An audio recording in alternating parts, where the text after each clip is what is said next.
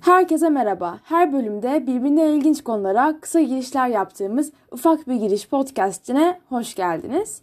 Bu bölümde Mark Manson'ın yazdığı Ustalık Gerektiren Kafaya Takmama Sanatını konuşacağız.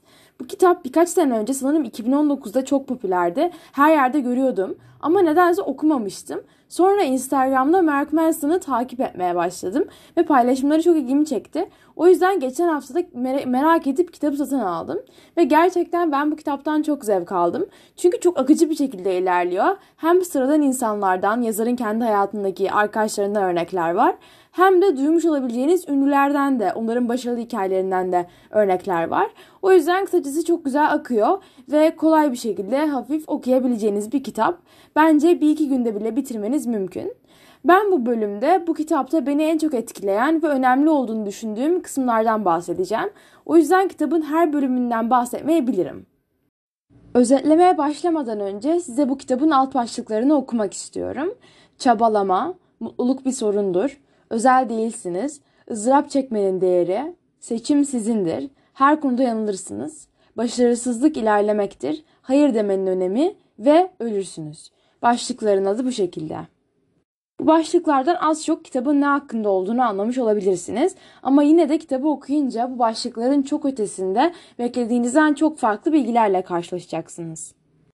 O zaman başlayalım bu kitabı özetlemeye. Mark Manson'ın bu kitabı yazma amacı diğer kişisel gelişim kitaplarında gördüğü bir eksikliği kapatmak. Kendisi diyor ki tüm kişisel gelişim kitapları sizin değerlerinizi ve başarı tanımınızı aynı varsayıyor ve daha sonra bu varsayılan değerler ve başarı tanımı üzerinden onlara nasıl ulaşacağınızı anlatıyor. Ama Mark Manson'ın amacı tam olarak bunları sorgulamak. Neyi kafaya takmalıyım, nasıl hedeflerim olmalı bu sorulara kafa yormuş. Bu kitabın temelinde yatan düşünce tersine yasası. Tersine yasasına göre daha pozitif bir deneyim arzu etmenin kendisi negatif bir deneyimdir.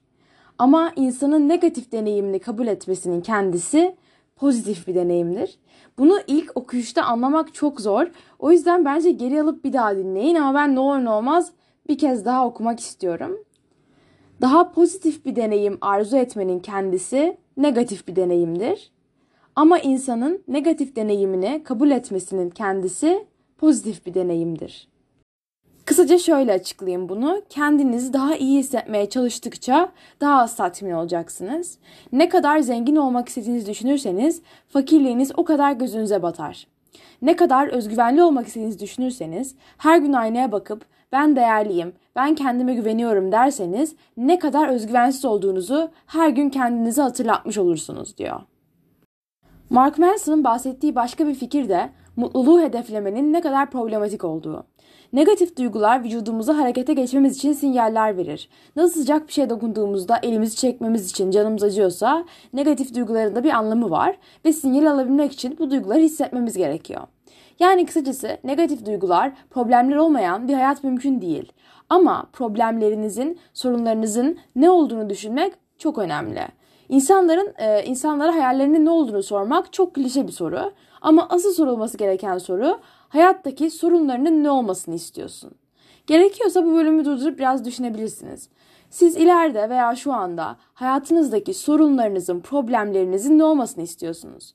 Bu hayatta neyle mücadele etmek istiyorsunuz? Çünkü sorunlardan kaçma şansınız yok. Ama sorunlarınızın ne olduğunu kabul etme ve gerekiyorsa harekete geçme şansınız var. Kitabın bir sonraki bölümünde Mark Manson kişisel sorun diye bir şey olmadığını söylüyor.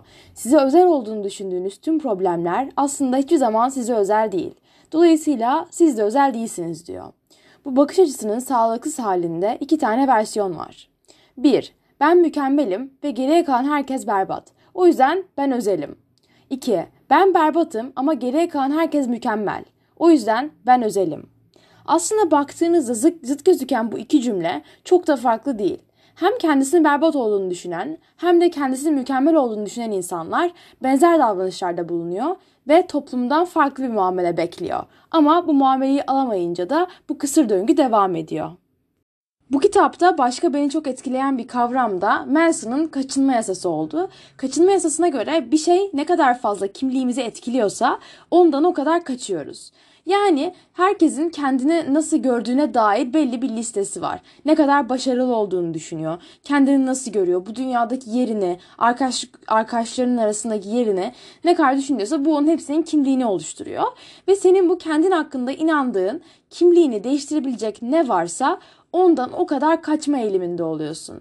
Çünkü dünyadaki yerinin ve öneminin ne olduğunu bilmenin sana verdiği bir rahatlık, bir huzur var. Bu düşüncelerini sarsacak her şey, hayatını iyileştirecek bile olsa çok korkutucu. Bu bahsettiğim hem iyi hem de kötü şeylere uygulanabilir. 1 milyon dolar kazanmak tüm paranı kaybetmek kadar tüm kimliğini değiştirir. Buna şöyle bakalım. Siz mesela şu anda bugün 1 milyon dolar kazandınız. Büyük ihtimal şu anda bir işiniz varsa o işi bıraktınız. E, o zaman kimliğinizin çok önemli bir kısmı gitmiş oluyor.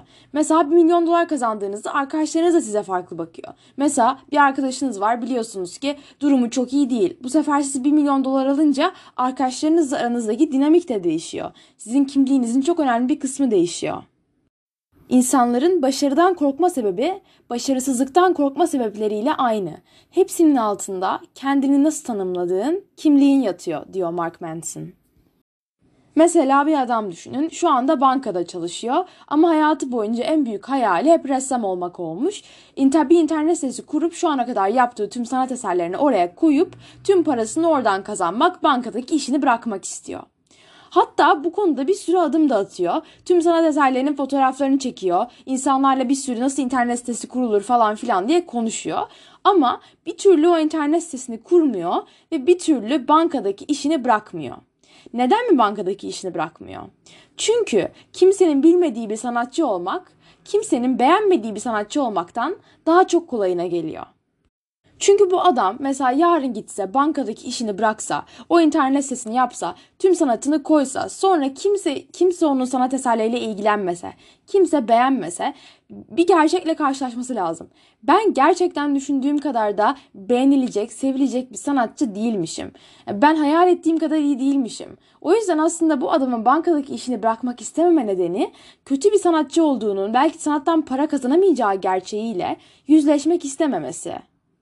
O yüzden bu adama kimsenin beğenmediği bir sanatçı olmak yerine kimsenin duymadığı bir sanatçı olmak daha kolay geliyor. Evet, bu bölümün yavaş yavaş sonuna geliyoruz. Başta söylemiştim bir sürü ilginç hikaye var, ünlü insanların da hikayeleri var diye. Ama eğer kitabın konusunu beğendiyseniz, şu ana kadar anlattıklarımdan bir şeyler kazandıysanız kitabın kendisini okumanızı çok tavsiye ederim. Burada Metallica, Beatles ve Buddha hakkında hikayeler vardı. Beni en çok bunlar etkilemişti. O yüzden bunlar bunları söylüyorum şu an burada. Yani okumanız yaklaşık 4-5 saat alacak bir kitap. Ben çok keyif aldım. Umarım siz de okursanız aynı şekilde keyif alırsınız. Kapatmadan önce Instagram sayfam ufak bir girişten beni takip etmeyi unutmayın. Orada da Mark Manson'ın kitabından benim en beğendiğim alıntıları paylaşıyor olacağım.